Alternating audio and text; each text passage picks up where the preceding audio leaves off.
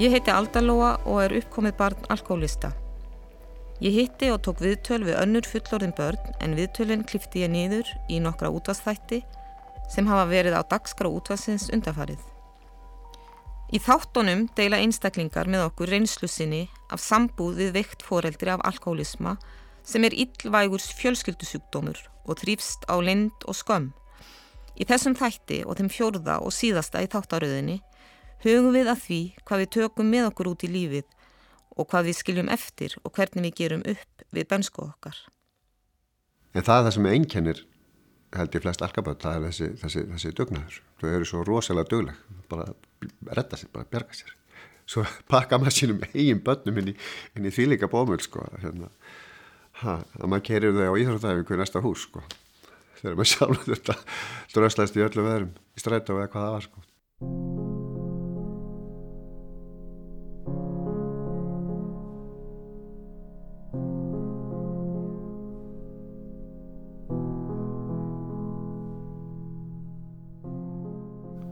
Var hérna barndagamaðurinn bæði svona með viðþorf og þess þennan hérna þessa um, baráttu og, og þetta standa alltaf upp í hárun á. Láti ekki segja mér það sem að ef að mér var misbóðið þá leti ég vita af því. Ég hafði mig kannski alltaf vinselda með því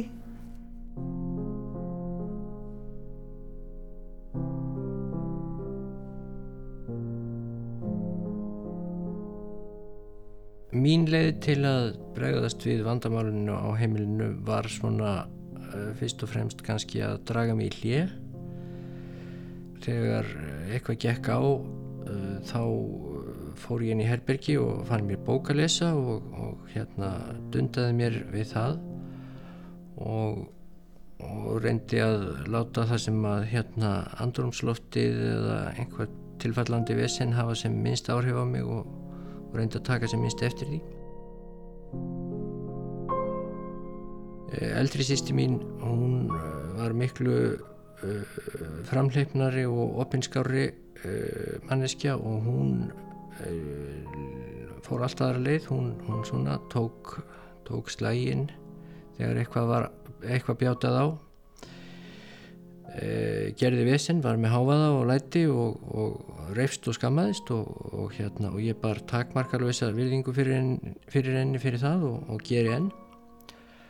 E, hennar leið var ábyggilega miklu erfiðari heldur en mín. En, en í skjóli hennar þá gæti ég líka sko, komist upp með það að, að skrýða bara inn í herbergi og lesa bók Nú svo áttu við, uh, eignumist við uh, yngri bróður sem var nú nokkrum árum yngri en heldur en við en hann fór þá leið að, að slá allir upp í kærleysi og vera bara kátur og gladur og, og hérna ofsakátt bann og skríkti og hló og, og, og tók ekki eftir neinu en það var hann náttúrulega svo lítill. En, en þetta var nú svona munstrið á, á heimilinu. Stóra sýsti mín hún barðist og ég dróð mér í hlið og, og litli bróður grínaðist.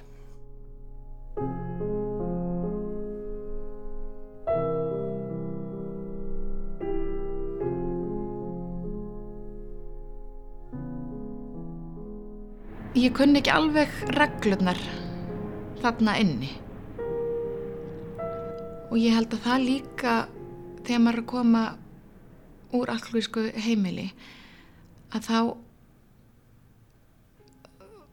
sko maður, maður tekur einhvern veginn allt allt öðruvísi viðþorf og hugsun með sér í umkörfið sitt heldur en kannski gengur að gerust á vennilegum heimilum. Þú, þú lærir allt allt aðra hluti og af því þú lærir allt allt aðra hluti og það er þetta hömluleysi til staðar að þá upplifur þig svolítið bara á skjön alltaf, það er alltaf einhvað að þér. Skilur hvað við? Og ég var mjög kvíðinn sem barn, ég fekk alveg kvíðakost sem engi gerði sig grein fyrir hvað var. Ég var settið heilarínur og hjartalínur og það var ekki eins og sko spurt um grunninn það er bara, nei, þú fannst ekki á banninu eða þú er í 12-13 ára. Bara fekk andatöpukost og, og, og bara leið rosalega illa með kvíðan út í maganum en engi skildi hvað var, fannst ekkert líkamlegt það var ekkert pælt í svona andlega. Ótt að gefa mig einhverja pillur og ég tók við þeim en ég hendiði manni. Því þá var ég búin að uppgöta það að pillur voru eitthvað vond því að mamma fekk alltaf pillur og hún var ekkert betri. Þannig að ég vildi ekki taka pillunar inn. Það vissi enginn af því held ég. En ég bara einhvern veginn komst yfir þetta líka. Síðar.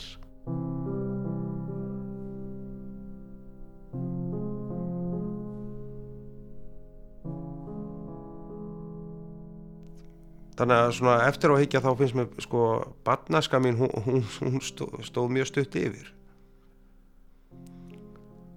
Það var bara því ég flúði bara flúði í það að vera bara hérna hvað getur ég sagt bara harði gæinn eða, eða hérna einhvern veginn svona bara í því að vera eitthvað töffari sko þó ég bara þó ég hafi bara verið barn í rauninni sko. Það veit á ég alveg minningar um það að vera að leika mér upp í trjánum eitthvað stað með vinnum mínum og þú veist verið í indjánarleik og, og það allt saman sko þú veist ég fór að gera bara leiði ég flutt út eða einhvern veginn svona mjög fljótlega þá þá fór ég bara að fullornast á þess að, á þess að geta það í rauninni. Eða þú veist, skilur það bara ég bara einhvern veginn þú veist, byrjaði í neyslu 11 ára og þú veist, ég byrjaði 10 ára að reykja og hérna og komst upp með það í rauninni allt saman sko. Já, sko ég, ég held að þetta móti manna þvíleitinu til að maður sé alltaf með einhverja svona vannmáttar og óöryggistilfinningu gagvart þessum bakgrunn. Og maður sé alltaf með einhverjum hætti að reyna að, að bæta upp fyrir það óöryggi eða reyna svona að, að hérna, breyða yfir það. Og ég held að það byrtist með mjög, mjög ólíkum hætti í, í einstaklingum. Í mínu tilfelli held ég að það hefur byrst í því að, að ég var sko mjög lengi mjög kvatvís og, og kannski orðfljótur og orðljótari eldur en ég hérna, uh, þurfti að vera. Og ég held að þetta hafa mörguleiti svona kannski móta mig sem karakter á fyrstu fullorins árunum að, að þessu veitum til. Að maður var svona kannski hérna svona var alltaf mikið því að gera sig kannski breyðan og, og gera mikið úr sér og, og svona láta alltaf svona e, af meira stærilæti heldur en sko maður kannski þurfti. Ég er síðan núna að, að þetta er sprottið af þetta bara óöryggi og, og þróskaleysi í dag hef ég ekki sömu þörf til þess að sanna mig og ég hefði á þessum tíma. Mér líður bara mjög vel með það sem ég hef það er held ég sko kannski enginni á þeim sem að hérna, koma á þessum bakgrunni að líða ekki, líða ekki vel með það sem þeir hafa. Og þurfa alltaf einhvern veginn að reyna að bæta það upp.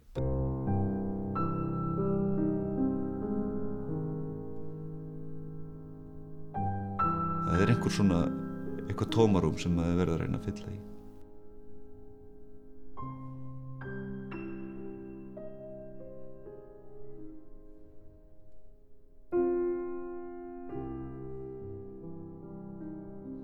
þetta hafði áhrif á, á sjálfsmyndina manns. En ekki þannig að að, að, að, að ég heldi allir væri ykkur aðrir að hugsa um mig á ykkur nátt heldur var að frekar ég sjálf sem hugsaði um mig á ykkur nátt það, það var frekar þannig. Mér fannst ég ekki nógu töff og sterk og, og mér fannst svona vinkonu mínu meira töffarar.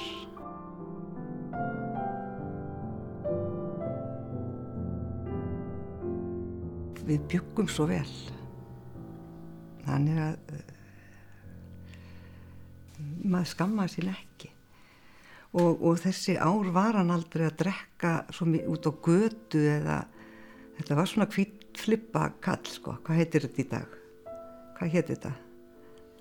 Kvítflipparóni hjá mér var það reynda þannig, ég er náttúrulega það vissu allir um ástand móðu minnar. Þó var þetta að reyna að vera fela og eitthvað hlust, þá var hún svona nánast bara orðin hálfpartin svona bæjarónin fóreldrar neituðu börnunum sínum um að leika við mig og eitthvað svoleiðis atrið, þannig að maður var gerði sér grein fyrir að maður er hlutað þessu þessu óæskilega. Þannig að það var ekkert svo mikið hægt að fela annað en að reyna að fela sem sagt að segja ef vinnan hringdi að hún væri veik og eitthvað svoleiðis þættir passa löggan myndi ekki finna dóp heima og, og eitthvað svoleiðis. En hérna maður bjó í einni rauðu húsunum í eigum gata þar sem að innan um allt fína hverfið var svona öðruvísi gett og gata viðlögu húsin hefur verið gefin eftir góðs til eiga það sem voru fleiri einstæðar mæður og, og, og stundum svona sambarleg vandamál. Þannig að ég fann ekki allan sem badd sko endilega fyrir því að hérna að það væri ekki eða já, að það væri ekki skilningur á ástandinu þar eða, eða þekking. En en ég finn kannski fyrir þess að í dag hvað það er þegar maður yfirgefur sko, svo þetta líf og fer allt í einu inn í inn í það að vera mentuð manneskja og maður lifir og hærist í, í stopnunum eins og háskólanum og í atvinnulífinu og eitthvað svona það sem að meiriluti fólksins kemur kannski ekki úr þessum bakgrunni. Bæðir að skríti hvað þessi veruleik er falinn í samfélaginu, hvað hann kemur lítið upp og yfirborðið nefn að maður sé beint í honum. Að þá eitthvað kem, kemst það nýttilega upp og yfirborðið en ég er samt ennþá oft þannig að ef ég fyrir inn í aðstæður sem eru kannski fullar af þessu þá oft þó á annan hátt verði ég kannski þannig og ég getur óörugur þá samt stundum verði líka ah, hér á ég heima, meni, hérna er ég fiskur í sjónum. Meni, þetta er það sem ég skil. En ég er ennþá þannig að ef ég fyrir inn á fimmstjórnu hótel þá fer ég inn og þá spennist ég stundum upp. Ég býst við að koma eitthvað og klappa aukstunum og segir, vilt þú ekki fara út? Þú ætti ekki heima hér að, hérna, en ef ég fer og er að þjóna og er að spila í fangilsónum og eitthvað svona þá er ég kannski frekar hættur um ég verði ekki hleyft, hleyft út aftur og verður sagt, nei þú þú ætti að vera hérna, það, þar sé ég sko, sé ég einstaklingarna sem eiga, sem eiga mína barnið sko. og mér líður bara auðvelt að tala við og auðvelt að vera ég, ég er ákveðin skilningur þannig að stundum er það ennþá kannski aðal erfitt ég fung, fungar ekkert að öllu leiti mér finnst ég ekki tilheyra í þessu velhefnaða samfélagi með fólkur með hinnu fólkinu með háskólagraðanar og, og, hérna, og tækifærin í lífinu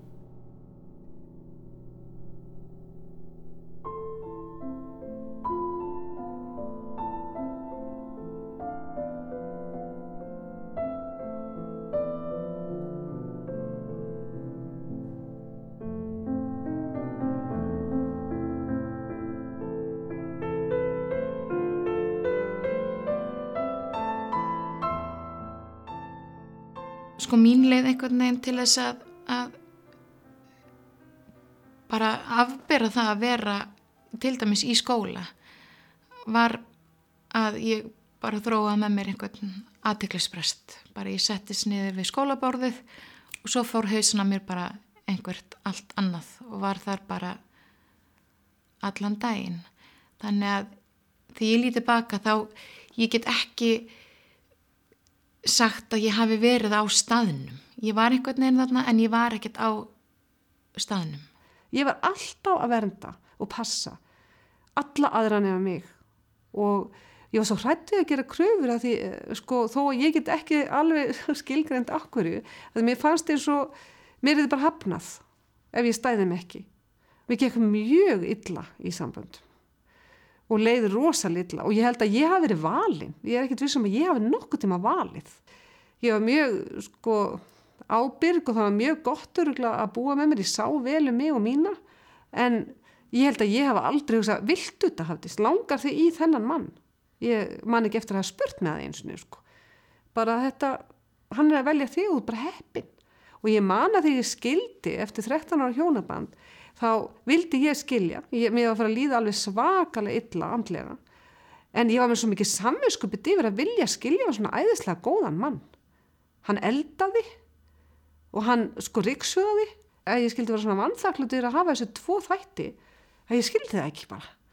Og það tók mér mjög langa tíma að fatta. Og ég sem betur fer sem betur fer er ég búin að sjá þetta.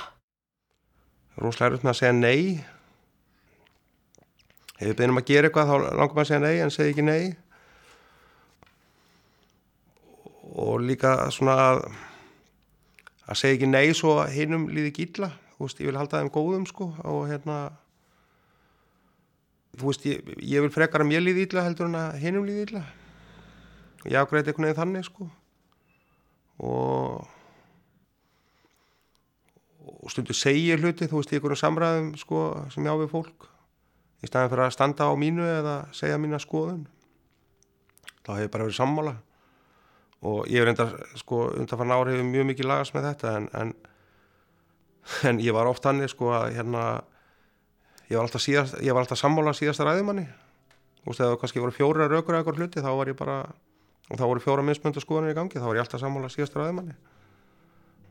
Þá vildi ég ekkert vera augra neinum eða eða, eða passaði mig á því að hérna að þau eru helst að geta raukræða eða, eða eða þá myndi, eða við komum myndi æsast upp eða einhvern veginn þannig sko. Ég vildi bara hafa alla góða.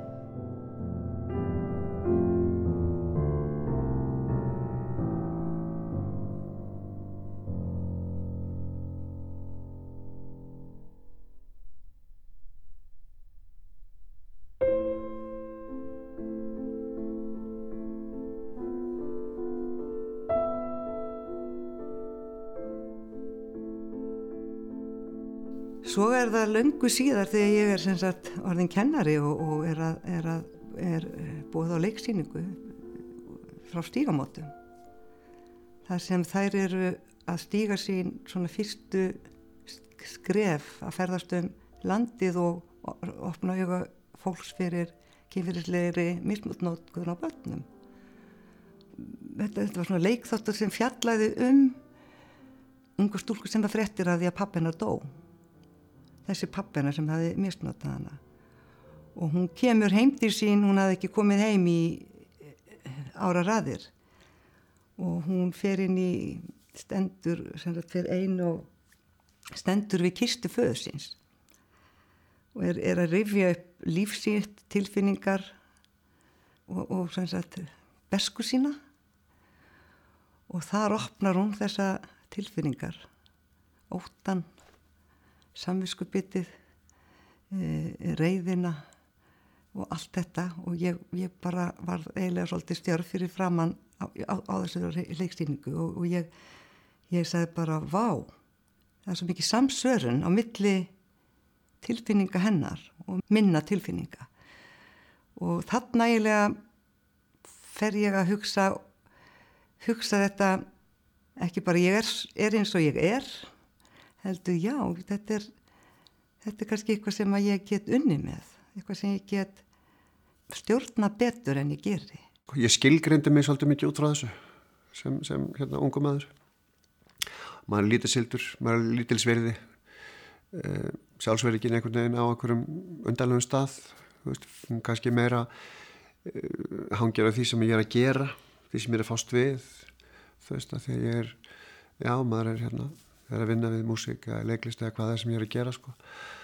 og þá, þá hef ég einhvern identitet þar sko. en bara sem manneskja og bara þú veist þá er ég kannski ekki nú góð pappir sko fyrir einhver aðra, fyrir heiminn sko. mitt framlag til heimsins er ekki eins gott eins og allar annar út af því hvernig minn bakgrunnur er og hvernig, hvernig, hérna, hvernig hvaða leið ég fór í lífinu sko þar leðandi finnst mér ég ekki nóg mikið sviri en það hefur nú sem betur fyrir breyst sko. en þannig var þetta lengi vel sko. og það er hluti af þessari skam sem maður er að börðast með sko. og hún er alltaf lengi að fara það er alltaf, alltaf hérna, þrúandi e, tilfinning sko. og veldur svona já, vanmati og, og, og þegar maður er svona þegar maður vannmetur sig er, er, þá, þá fyrir maður að leggja, þá fyrir maður að fara í hlutverk þá fer ég að detta í það að vera eins og ég held að það er vilji hafa mig.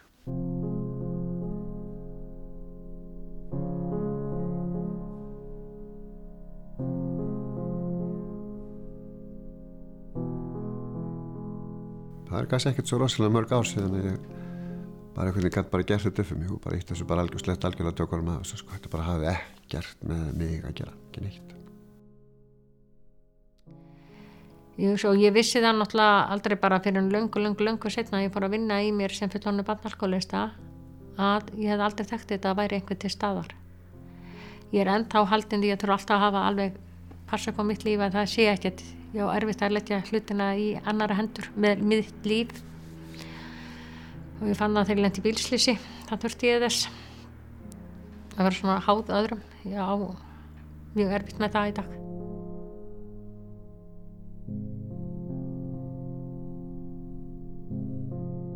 Ég sé það svolítið út af því ég var alltaf að hafa.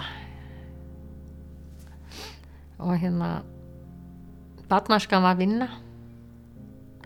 Samt á ég svo góða minningar í barnaskuna að það eru svona eins og það sé bara tvær heimar sko. annars verður þessi drittju heimur svo á ég annan heim. Það er eins og ég hafi bara skipt og lært að bara strax sem barn að skipta barnisku minni í svarta bók og hvítabók það var svona öllu svo óskup þarna inn í svartubókinni en svo átti ég svona kvítabók þar sem að það var þessi ofubáslega miklu kærleikur þar sem við sýstinum voru saman þar sem að voru jól og gleðilega stundir og við að leika okkur í náttúrinni þú veist við áttum náttúrulega áttum ekki leikfeng þannig við áttum horn og kjálka og líkum okkur svo leiðis eins og í elgamla daga. Og hérna við áttum svona sér jarðir fyrir okkur þar sem við varum að búa til vegi og bíli og og svo höfðum við læki og við höfðum lagsveiði vatn og við höfðum sjó og fjöru og þetta voru leikvængjun okkar. Mér finnst æðislegt að koma þannig sveit barnaskunar og bara leikvængjun eru þannig allan þá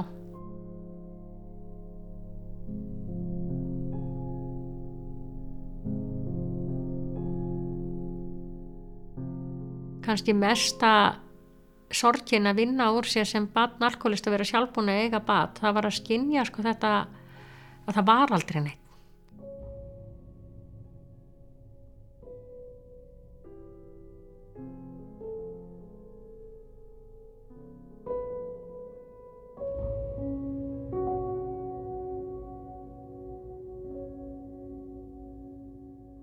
en ég saknaði þess ekkert að manni með batn, ég vissi ekki að það ætti að vera fullarnir ætti að vera í lífi bass ég hafði bara sennlega ekki hugmynd um það og gerði engar kröfur eða væntingar en eitt um það.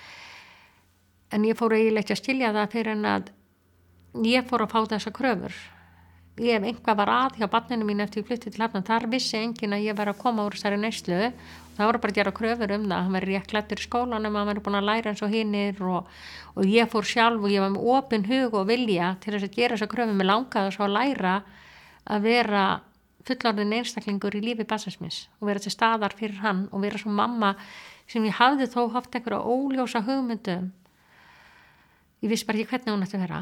Ég vissi bara hérna einhvers aðeins í hjarta mínu hvernig mamma ég vildi vera. Ég vildi vera svona einstaklingur sem væri til staðar. Við ætlum að sleppa alveg ótrúlega vel frá þessu. Þess, maður er kannski ekki alveg heil en, en eins heil og ég get orðið með við aðstæður. En með hjálp auðvitað skilur ég gerði ekki einn það er ekki þannig. Ég fengi mikla hjálp og, og þurfti að læra að þykja hjálpina líka. Það var það var mikil, mikil lærdomur að læra að þykja hjálp frá öðrum. Af því þegar ég er að halast upp þá kom aldrei þessi hjálp þegar, þegar mér ég þurfa hann að halda. Sko, hluti af þessu ríkoferi mínu út úr því að vera fullur upp að nálskólista er í gegnum börni mín. Og ég hef hérna notið þess að sko vera það foreldri sem að ég hefði vilja eiga. Ég held ég sé svolítið ala sjálfa mig upp í gegnum þá líka sko hvað það snertir og þetta að vera á staðnum geta staðið með börnunum sínum þegar efni stendur til og þú, þú veist veit um aðhald þegar það þarf og af einhverju skinnsimi án þess að vera bara hérna, mæta bara svona þú veist í einhverju flugumynd og uh, þetta er svona og hlust aldrei á neitt og skilji ekkit hvað er í gangi og sluðis Njóttir þess að vera fóröldri Já að því að það er oft talað um svona að maður þurfa að vera góðu batni í sjálfu sér að, að það fekk aldrei einn eitt svolítið ég held að maður gera það svolítið gegnum börni sín. Þetta er alveg rosalega tæki fyrir að eignast börn að, að svona heila sjálfan sér gegnum það hvernig hefði átt að ala mann upp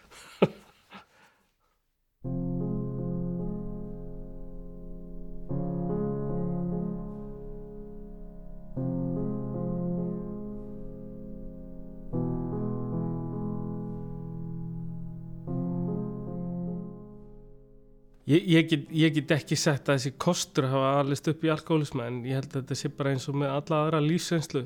Fólk lendir í einhverju lífsreynslu og ef það næri að vinna súturinu þá er það orðið vindur í seglmanns og maður getur notfært sér það til góðs fyrir aðra og, og, og að takast á við aðra er vel líka. Ég ég held að það sé, það skast það sko, það er engin sérstaklega kostu við að alast upp í alkoholisma umfram aðrar lífsreynslu ég held að, ég held að sé bara mjög holdt að ná að díla við þá lífsenslu sem að lendi fyrir hversu alvarleg sem hún var.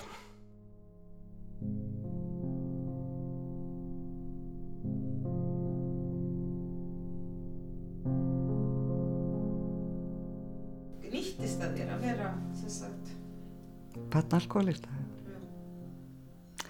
Já, það nýttist mér ég bara, ég ætla nú ekki að þakka fyrir það en ég grætti margt af því.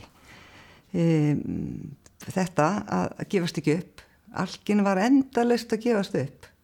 Og það ætla ég ekki að láta spyrjast um mig. Þannig að ég hef, held ég þessi barátta fyrir því að klára allt sem ég tek mig fyrir hendur.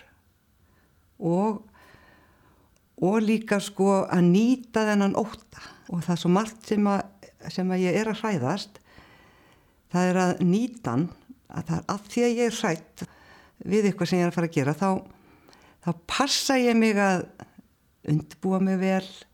Svo sem að fara í próf þá passa ég mig að ég ætla ekki lendi í óttanum. Og þá hef ég náð að því að ég hef undbúið mig svo vel þá, þá næ ég góðum árangri. Þannig að, að óttin hefur líka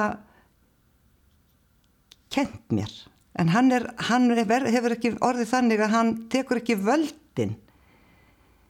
Hann heftir ekki heldur hann er driffjöður í lífið mínu. Ég hef farið í gegnum þess að sögu alla með, hérna, með sjálfu mér og, og, og unnið úr samskiptum mínum við föðu minn, unnið úr tilfinningum mínum gagvart honum og svona geta fyrirgefið honum og það sem að fór úrskiðis hjá okkur.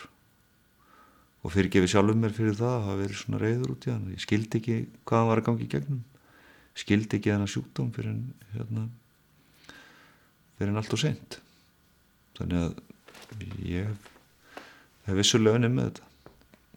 Ef ég hefði ekki gert það þá ég ég get ekkert verið að segja frá þessu. Ég get ekkert verið að tala um þetta eða, hérna, ég hef rætt þetta vegna þess og, og vil ræða þetta vegna þess að ég hef uh, átta mig á þessu. Ég skil þetta mjög betur heldur en ég gerði þegar ég var yngri og, og um leiðum að skilur eitthvað svona þá getur maður átt að sjá því að það eru margir aðrir í svipari stöðu og það sem að þessi sjúkdómur þrýfst á er einmitt skömm og leind og að einhver vilji félan og ekki tala um hann. Og eina liðin til að takast á við hann og, og takast á við meinið og takast á við samfélagsgerðina sem hann býr hann til er að tala um hann og láta það ekki verða sjálfsögðun hlut að við ölum börnin okkar upp með það einhvern veginn sem sjálfsagt og sjálfsagðan áfanga í lífinu að á vissum tímanpunkti byrju þau að drekka áfengi. Það er algjörlega fráleitt niðurstaða og við höfum ekki sætt okkur við það og ég gerði það ekki og eða ekki mín börn þannig upp. Það á að vera sjálfsagður valkostur að lifa edru lífi, alla sína efi og ef ég skoða mitt líf og mína efi svona í, í baksinspeglinum þá vildi ég að ég hefði aldrei byrjað að nota áfengi. Mitt líf hefði verið miklu betra ef ég ekki gert það. Og því miður þá voru aðstæðuna þannig í minni æsku og mínum uh, bakgrunni þannig að það, það kom ekki til greina. Það þótti eiginlega bara algjörlega fáhært og fráleitt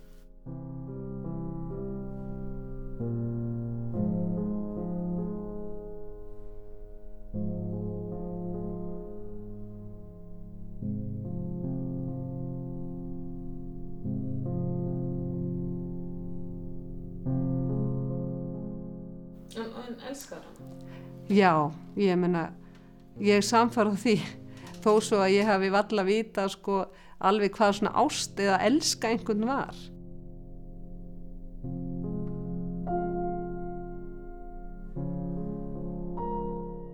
Það er svo óbáslega erfitt að elska þann sem er svona veikur og þeir sem að þarf að bera svona mikla ábyrð á. Ég man eftir því að að vissum tímapunkti þegar mamma verið einhverju meðferðinni og þá hugsaði ég, ég ætla aldrei eiga bönn vegna þess að fyrsta lagi var svo mikið umræðinu þá að þetta veri genanum okkar og ég ætla sko ekki að fara út unga alkoholistum hérna, búa fullta til af þeim. Og öðrulega fannst mér svo erfitt að elska einhvern sem var nákomið mér vegna þess að það var svo mikið mál að elska einhvern var að hafa ágjur á hann það, ég tengdi það bara þannig. Þannig að ég ætla aldrei bara eiga bönni að menni að nýtt þetta var bara vesen. Af því að það var svo sárt að elska einhvern af því ég var alltaf svo rættum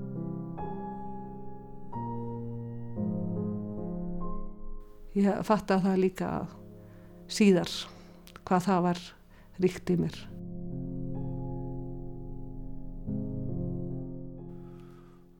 Og, og ég man alltaf þegar ég tók ákonum að hætta að drekka þá var það þetta sko, alltaf ég að verða eins og pappi og ég hugsa oft um það í dag sko að hérna hvað ég þakkláttu pappa hann kendi mig þetta og hérna og mín viðbröð voru þessi sko allavega þarna svona ungur að hugsa með mig sko alltaf ég að verða alltaf ég þróa þetta eins og verða bara eins og gamleikallin sko. Og fyrir það verði ég honum æfilega þakkláttu sko. Að ég hafi, þú veist, ég náði að tengja þetta og, og bara hugsa með mér ok, og það var einna, einna stórum þáttum í því að ég hætti að drekka var það að ég vildi ekki að börnum mín þurfti að horfa upp á það sem ég þurfti að horfa upp á. Það er ekki annað hægt en að bara vera þakkláttur fyrir það, eða vera bara vera mjög þakkláttur fyrir það að hérna að ég stoppaði allavega þarna sko. Það var eitt af því sem hann sem að ég með hann að hann hefði kent mér. Var það að hann gæti aldrei sínt mér það. Þannig að ég hérna ákvæði að taka 180 gráður á, því og er að ala strákana mínu upp þannig að ég hérna, síniði um ást og síniði um kærleik. Og ég segi þeim að ég elski það og mér þykir vantum það. Og er til staðar. Ég þakka pappa alltaf þetta sko. Ég þakka hann alltaf fyrir eða þú veist í, hérna, í huganum þá þakka hann alltaf fyrir að hafa kent með þetta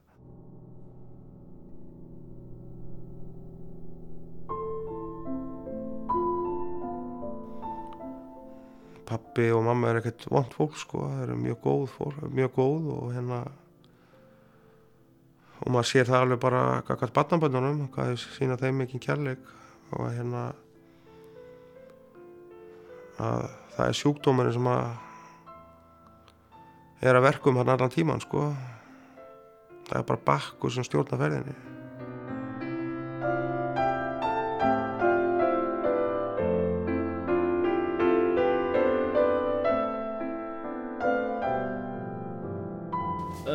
Eftir að ég var, var á netru þá komst ég að því að ég sko, ég hafði ekki geðslagi að unga kostuðu, ég bara, ég var hættulegur þeim.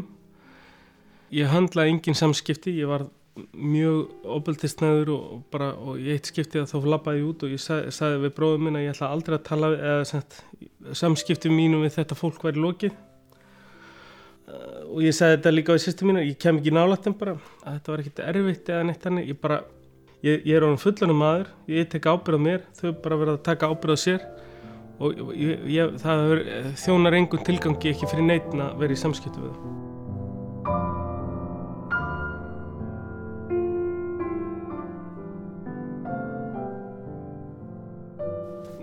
þegar þetta þynar allt saman að þá þá erum við að fara norður með eh, eldri strákun okkar Valdemar og Lóa þá eru þeir bara eins og tveggjára eitthvað sluðis þá eh, erum við að keiri gegnum húnáðarsýsluna þar sem mamma er aln upp og ég, ég er að rifja upp eitthvað svona já þarna þessi bær og hérna mamma sagði mér ekkert að sögu þarna um þetta og allt í hennu uppgöndagi hún er búin að segja mér alveg helling af sinni æsku sko. Eitthvað sem ég hef ekki getað rifið upp nokkrum árum áður þú mér hefur verið borga fyrir það að því að ég var alveg samfærður um það að það væri bara neikvægt sko. Þessi, þessi nortn væri bara að finna illa og ekkert annað það hefði aldrei komið neitt gott. En þarna allt í hennu finn ég mig ég er að segja rosalega stoltur frá einhverju sem að mamma lendi í. Þú veist hún fór, var á hestum þarna og var alltaf að gera þetta og þarna. Vinkonun að bjóða þessum bæði og eitthvað. Og ég fann svona þetta iljaði mér um hjartarætunar þessi minningu um mömmu. Skrítið og, hérna, og þetta er svona í fyrsta skipti sem að ég svona hérna, næ að hugsa um hana alveg skil bara, bara, ég elskaði bara mömmu mín og alveg sama hver hún væri hvort hún væri alkoholisti eða ekki